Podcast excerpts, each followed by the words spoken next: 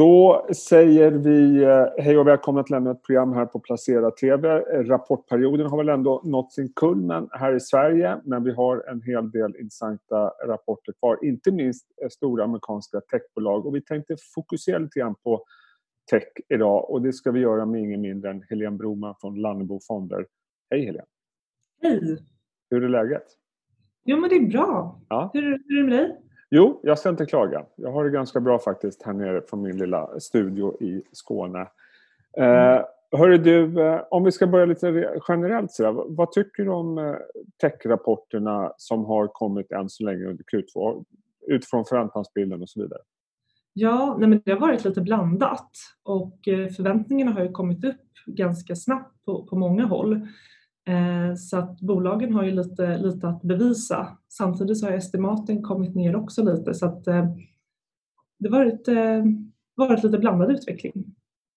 Och eh, vi hade ju en riktig tungviktare som kom i går kväll, svensk tid, det är Microsoft. Eh, tittar man bara på liksom, headline-siffrorna så ser det ut att vara bättre än väntat.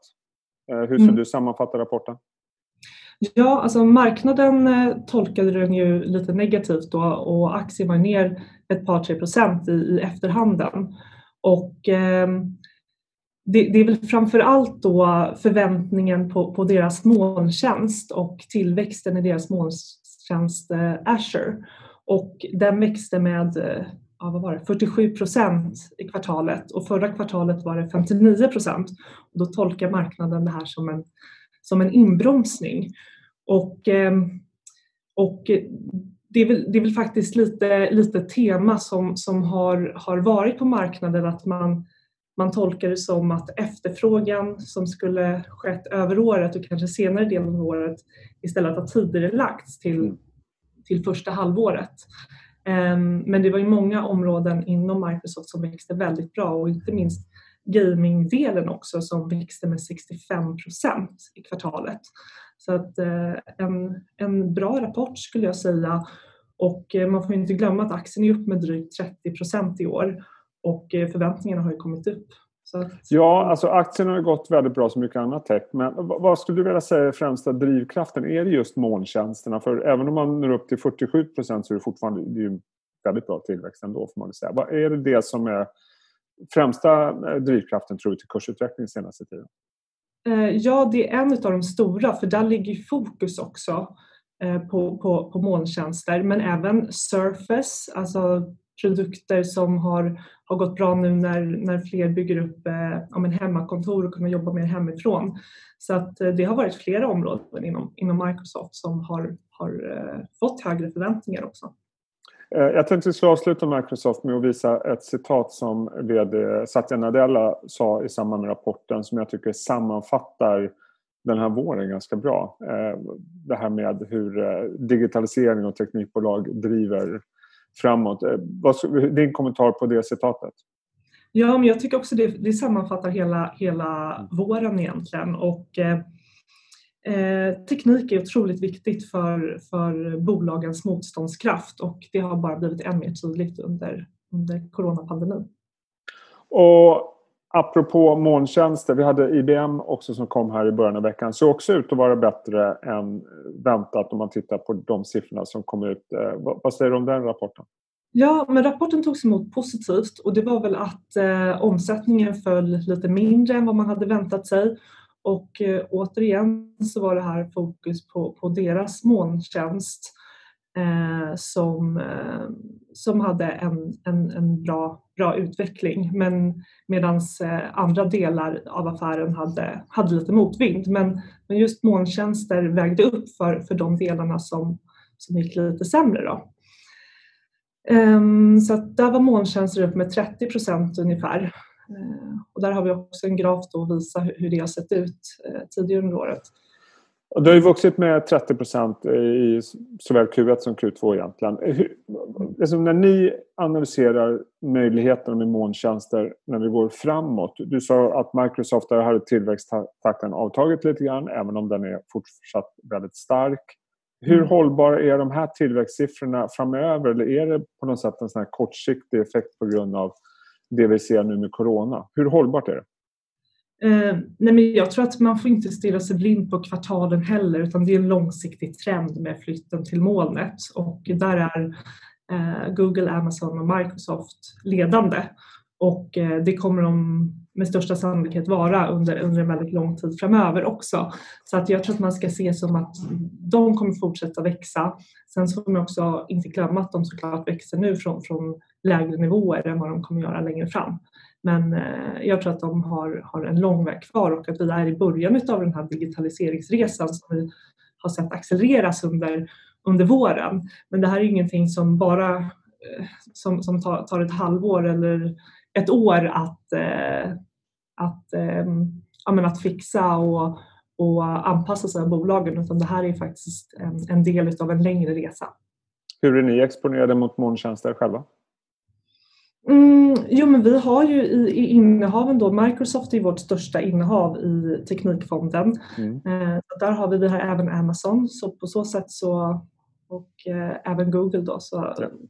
vi har en bra, bra exponering mot den. Eh, och en annan stark eh, trend givetvis som har fått ytterligare skjuts här under våren det är det här med eh, streamingtjänster och den typen av underhållning. Netflix kom en rapport förra veckan. Det såg ut att vara mm. bättre än väntat i kvartalet men marknaden reagerade negativt på deras outlook. Berätta. Mm. Ja, precis. Nya prenumeranter i kvartalet var ju faktiskt bättre än väntat men utsikterna för andra halvåret var lägre än vad marknaden hade förväntat sig och det var det som aktien föll på. Och eh, lite som vi var inne på tidigare att, att eh, här blir ju oro, marknadens oro för att en efterfrågan som vi skulle ändå ha sett i senare delen av året har flyttat tidigare lagts och flyttat fram till, till första halvåret. Mm. Så det är väl den farhågan som, som reflekteras i, i aktien. Um, men sen så, så, så, kan man väl säga att, att i år i alla fall så blir det en marginal eh, i, Netflix just på grund av lägre innehåll och, marknadsföringskostnader. Um, så att um, det, det, produceras helt enkelt mindre på grund av eh, att man inte får göra film ja, eller precis. har fått göra film. Eh, vad, vad, säger du annars om den här eh, konkurrensen inom eh, streamingtjänster? Det finns ju ett antal eh, Eh, bolag som erbjuder det här som är uppstartningen. Vi har eh, Apple som har kommit igång, vi har Disney som har kommit igång, kommit till Sverige tror jag eh, under början av hösten. HBO, Amazon Prime. Det är enormt många bolag som erbjuder det. Vad, liksom, hur, hur resonerar ni kring det här framöver? Ja, alltså jag, jag tänker att, att på sikt så är det väl svårt att se att vi ska ha så många spelare som vi har som är på väg att bli, mm. bli idag. Um, på något sätt uh, borde det bli någon typ av konsolidering eller någon annan lösning som gör att man inte har sju olika konton. Men, uh, men, men, med det sagt så kan man väl säga att ja, Netflix då, de är en stark spelare och uh, de, där har ju tillväxten nu såg vi i kvartalet har ju kommit fram till stor del från internationella marknader medan den har gått ner lite i USA. Och då får man ju inte glömma att USA det är från en, en högre bas och så vidare. Men jag tror att coronapandemin har möjliggjort för spelare som Netflix att, att växa mer internationellt. Jag såg nyligen att de har tagit Eh, ja, men, eh, I Indien så har de, har de vuxit väldigt kraftigt just på grund av coronapandemin till exempel. Så att, eh, det har ju öppnats möjligheter för, för de större spelarna om, om, man jämför eh, med eh, Disney, vi har en graf på det, så ser man att Disney fortfarande är långt efter eh, Netflix men det är ändå imponerande siffror som de redovisar på hur många som har börjat prenumerera på den här tjänsten. Och då har inte den stora internationella den stora internationella etableringen har ju eh, inte kommit igång riktigt än. Nej, precis. Så att eh, 55 miljoner prenumeranter och det är i princip bara i, i USA. Ja. Eh, så att, eh, där har ju, de, de startade också om det var i november eller december i, i fjol. Så att, eh, det, där har det ju varit en kraftig tillväxt verkligen. Ja. Och det är också deras starka varumärken och digitalt innehåll som, som gör att de hamnar i en väldigt unik position.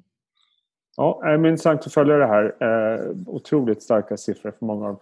Du, apropå rapporter. Eh, du eh, nämnde att det gick bra för gaming i Microsoft. MTG kommer en rapport senare idag. Eh, där har vi ju sett just e-sport har gått otroligt starkt under corona. Mm. Mm. Eh, våren. Hur resonerar ni kring den aktien? Eh, nej men MTG är ett innehav i, i portföljen också och eh, jag tycker att det ska bli jättespännande nu när rapporten kommer och, och, och höra just vad, vad de säger om, om e-sport och e-sportsegmentet ehm, eh, helt enkelt. Eh, men, eh, men med det sagt så har det ju det har vi sett på, på många, för, många, många av bolagen att, att den biten har, har gått väldigt, väldigt bra. Och, ehm, mm, så det blir kul. Ja, det blir spännande. Och du, apropå rapporter igen. Nästa vecka så rapporterar Ebay. Jag behöver inte gå in så mycket på det kanske, men det var ju en stor affär här igår var det, när eh, Advinta köpte Ebays annonsdivision för, vad var det, drygt 9 miljarder dollar. Ja, precis. Eh, affär. Advinta gjorde ju, eh, har ju gått otroligt bra i mm. samband med den här affären. Varför är det här så betydelsefull affär? Vad, vad skickar den för signaler? Men dels så kommer ju Advinta bli väldigt stora eh, på, på, sitt område. Eh, men om man tittar från Ebays perspektiv, då, vi har ju Ebay i, i teknikportföljen, så, så har det ju faktiskt varit på tapeten och framförallt att aktivister har legat på Ebay om att sälja delar som inte tillhör deras kärnaffär. Mm. Eh, och istället fokusera på, på, på handelsplatsen ebay.com. Och det är väl precis det som sker nu helt enkelt, att, att Ebay mer och mer fokuserar på kärnverksamheten. Eh, så att eh, någonstans så, så, känns det ganska strategiskt och, och tydligt och det har varit på, på, på, på tapeten eh, tidigare. Okay. För det blir inte någon jättereaktion på just Ebays kurs när det här uh, annonserades. Uh, underskattar man Ebay? Nej, men det tror jag inte. Man får inte glömma att Ebay har gått upp med drygt 50 procent i år. Mm. Eh, så att förväntningarna har kommit upp och där är det också ja. handels, eh, e-handelstrenden såklart. Men, ja. Ehm, mm. eh, avslutningsvis eh, så måste jag ändå försöka knyta ihop den här säcken. Microsoft var som sagt först ut av de stora fem techbolagen. Vi har kvar Apple, Amazon, Facebook och eh, Google eller Alphabet. Tillsammans mm. står de här nu nästan för 25 procent av S&P 500 och samtliga har gått väsentligt bättre än index. Vad säger du om den här enormt starka utvecklingen? Um, nej men dels så har ju respektive bolag starka marknadspositioner och har byggt mm. unika positioner och vallgravar eh, och står i princip ohotade på, på många områden. Och den möjligheten och styrkan är också deras största hot. Eh, det kommer upp mer diskussioner om konkurrenslagstiftning och, och, så vidare. Men med det sagt så de är ju väldigt starka och eh, vi tror att de har, har möjlighet att fortsätta växa, växa bra. Och som vi var med Microsoft tidigare till exempel som då är marknadsledaren på, på molntjänster eh, övertygade om att flytten till molnet den händer och kommer fortsätta ske. Eh, så de har ju områden som de verkligen kommer kunna fortsätta växa på under en, under en lång tid framöver. Eh, och sen så kan man också då säga, många pratar ju lite som, som fang, om fangbolagen då som, som, en, som en sektor. Eh, och då ska man ju, om man tittar historiskt så, så har ju liksom sektorer i sig egentligen varit större del av, av index än vad just då fangbolagen. Och de är ju faktiskt inte en en sektor. Så de, är, de skiljer sig rätt mycket från varandra. Imponerande tillväxt hur som helst och att jämföra det med 99-2000 känns, även om kanske kursutvecklingen i sig har gått väldigt bra så är det fortfarande klart lägre värderingar än vad vi såg då och bolag som tjänar pengar. Mm. Eh, får man väl ändå säga. Eh, jätteintressant. Vad tror du nu om de här andra stora rapporterna? Kommer de visa samma styrka tror du som många av dem som har kommit?